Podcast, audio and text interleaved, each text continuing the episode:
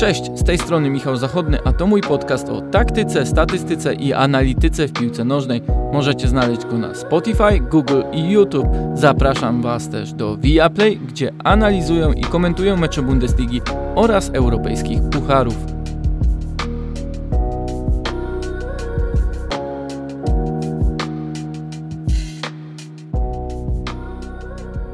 Zdarza się to bardzo rzadko, bo jak często w futbolu na tym elitarnym poziomie jesteśmy w stanie stwierdzić, że wina za bardzo niekorzystny wynik leży po prostu po stronie trenera. Jak często zdarza się, by sam trener po meczu e, w niemal każdej wypowiedzi podkreślał, że to przez niego zespół funkcjonował fatalnie i wysoko przegrał. Wpływ na plan meczowy, taktykę mają oczywiście błędy indywidualne. Czasem to od wykonania swoich zadań przez jednego, dwóch zawodników zależy też nasza ocena trenera. To są kwestie e, od szkoleniowców w jakimś stopniu niezależne. O ile oczywiście nie uznamy, że to przecież on wybrał do danej roli konkretnego piłkarza. Jednak warto przypomnieć, mówimy wciąż o futbolu na elitarnym poziomie. Ile było ostatnio właśnie na tym najwyższym poziomie takich błędów, jak te popełniane przez e, Carlo Ancelottiego z wyborem systemu bez klasycznej dziewiątki, ze zmianą w przerwie na krycie indywidualne, które przyniosło jeszcze gorsze efekty. E, narzucają się na myśl próby wysokiego pressingu Manchesteru United jeszcze za Ole Gunnara Solskiera, gdy tym sposobem próbowali podejść Liverpool na Old Trafford i skończyło się pięciobramkową klęską. A im wyższy jest poziom, tym szybciej też dostrzegamy pomyłki całości, pomyłki odnośnie planu. Real zaczął mecz z Barceloną e, z Luką Modriciem w roli fałszywej dziewiątki, choć tak naprawdę częściej przypominało to system z dwiema szóstkami, Casemiro i Kroosem oraz dwiema dziesiątkami, czyli oprócz Chorwata jeszcze z Fede Valverde.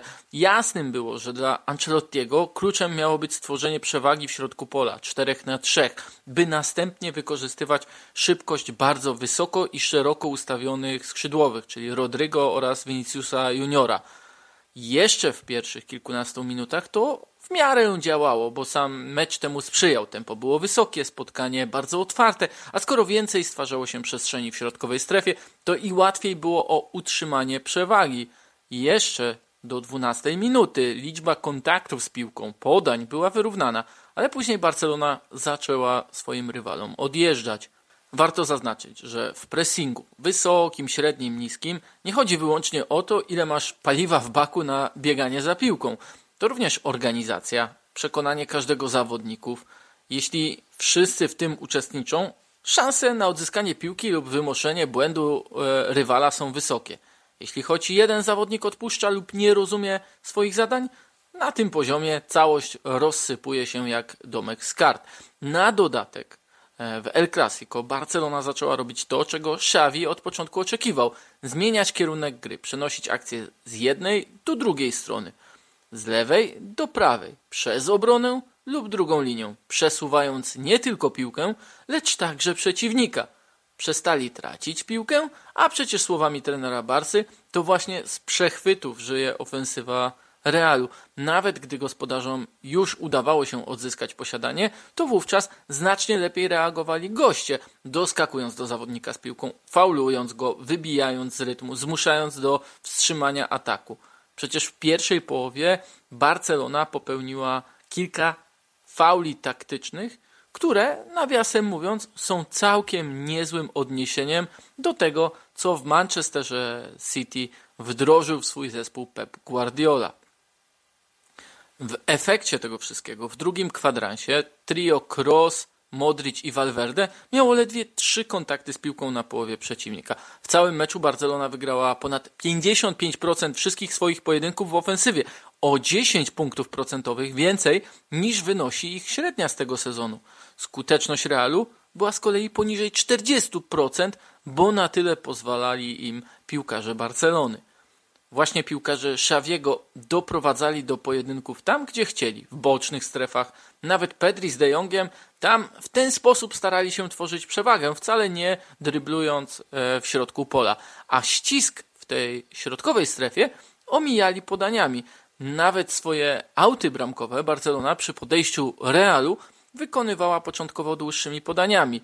Trio Xaviego grało momentami dosyć płasko, czyli w jednej linii poziomej, ale ruchem bez piłki Pedriego i De Jonga zaskakiwali defensywę Realu. Nagle był o jeden więcej zawodnik do przypilnowania, czy też raczej stracenia z pola widzenia, bo tak, takie można było odnieść wrażenie po tym, ile robiły właśnie te ruchy bez piłki, czy e, Hiszpana, czy De Jonga.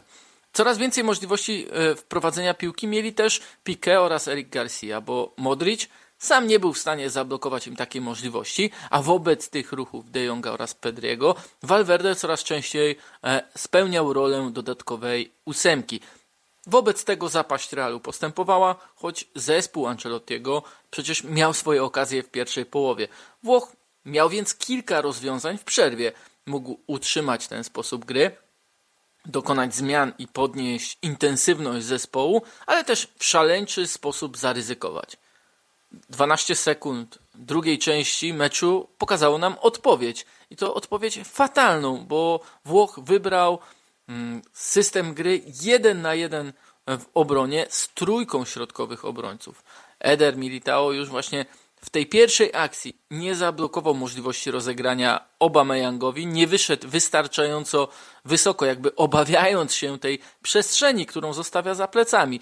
W nią właśnie Torres wykonał ruch jeszcze z własnej połowy, a Dawid Alaba był kompletnie po drugiej stronie boiska, zapominając o konieczności asekuracji. Było to tak złe zachowanie obrony, że już po chwili Ancelotti nakazał Casemiro cofnięcie się do tej linii, by znowu Real bronił w czwórkę. I tak zdało się to na bardzo niewiele, bo wtedy przy jednym dłuższym podaniu i niepotrzebnym wybiciu piłki Alaby w środek pola, gdzie nawiasem mówiąc, zabrakło asekuracji ze strony pomocników. Wygrana druga piłka przez Barcelonę sprawiła, że akcja bardzo szybko przeniosła się w pole karne, no i zakończyła kolejną bramką. Nie ma gorszego świadectwa dla defensywy Realu niż te dwa desperackie rzuty pod nogi Dembele, a następnie De Jonga e, w wykonaniu obrońców gospodarzy, najpierw Alaby, a potem Edera Militao. To było niczym danie sobie alibi. Próbowałem. Zamiast mądrzejszego, powiedziałbym bardziej reaktywnego, wyczekującego i spowalniającego atak rywali zachowania. Jak więc nazwać to, co zdarzyło się przy czwartym golu? Znów zaskoczony Nacho, Militao wraz z Casemiro z jedynie wyczekującą na gwizdek sędziego reakcją, no to była kapitulacja także taktyczna. Trzeci różny plan Ancelottiego w okresie zaledwie 52 minut spotkania, który zawiódł. Wynik mógł być tylko wyższy, kolejnych szans nie wykorzystywali Aubameyang czy Torres. Ten drugi miał zresztą okazję idealnie obrazującą rozkład taktyczny Realu w 64 minucie, gdy Busquets z obrońcami z łatwością rozegrali piłkę pod pozorowanym pressingiem e, Realu. Zagranie od Garcia do Aubameyanga i zwrotne do szóstki stworzyło możliwość kolejnego prostopadłego podania do zbiegającego ze skrzydła Torresa. Nic wówczas nie zafunkcjonowało w Realu. Eder po raz kolejny odpuścił całkowicie napastnika. Casemiro nie odczytał zamiaru i nie zaasekurował kolegi. Kamavinga oraz Modric byli zbyt daleko od siebie. Zresztą szansa Dembele po podaniu od Depaya była kolejnym tego przykładem. Nic dziwnego, że Xavi po meczu mówił o tym, że to był występ kompletny. Bez wysiłku i mądrości, zdecydowania w realizowaniu planu przez jego piłkarzy, na pewno nie byłoby takiej możliwości rozwój Barcelony, powrót do określonego stylu gry, nawiązania do przeszłości, przy nowej fali zawodników. To wszystko jest świetną historią, przykrywającą problemy klubu, a na pewno odciągającą uwagę w stronę znacznie przyjemniejszych kwestii piłkarskich. Z drugiej strony mamy Real, który próbował, ale tylko próbował przykryć brak spójności całej drużyny nieobecnością jednego zawodnika, no ale jakiego? Karima Benzemy. A jednak granie z drużynami nastawionymi na pressing i szybkość znów sprawia Ancelottiemu podobny ból głowy, jak z Paryżem w pierwszym spotkaniu i dużej części rewanżu jednej ósmej finału Ligi Mistrzów, jak z Chelsea przed rokiem na Stamford Bridge. Ancelotti powiedział po tym meczu, że Real miał grać wysokim pressingiem, a potem jeden na jednego w obronie, ale to nie był na to wieczór. Tylko czy z tymi zawodnikami w najważniejszych meczach jest na to w ogóle dla Realu miejsce? to zespół na, wydaje się, zupełnie inne granie. Wciąż na najwyższym poziomie, ale z akceptacją, że szarże jak z Paryżem będą raczej rzadkością, nie regułą. Oni muszą tempo kontrolować, intensywność meczu sprowadzać na poziom im odpowiadający, a nie starać się równać rywalowi, który na najwyższych obrotach nabiera rozpędu. Dam wam przykład. E, wskaźnik tempa spotkania według Y-Scout w pierwszym meczu Barcelony z Galatasaray, tym bezbramkowym, był najniższy w całym sezonie Barcelony. I widać było, że Xavi nie był z tego występu zadowolony. Z kolei z Realem pod tym względem jego zespół osiągnął drugi najwyższy wynik, a każdy z trzech poprzednich rywali, Napoli, Atletic i Osasuna, który próbował nawiązać walkę na warunkach Barcelony właśnie w kwestii intensywności, tracił cztery gole, a Real po prostu był kolejnym tego przykładem. Ta lekcja pewnie także z perspektywy Ancelottiego była potrzebna. Po pierwsze, nie przeszarżuj. Po drugie, nie kombinuj. Po trzecie, bądź sobą.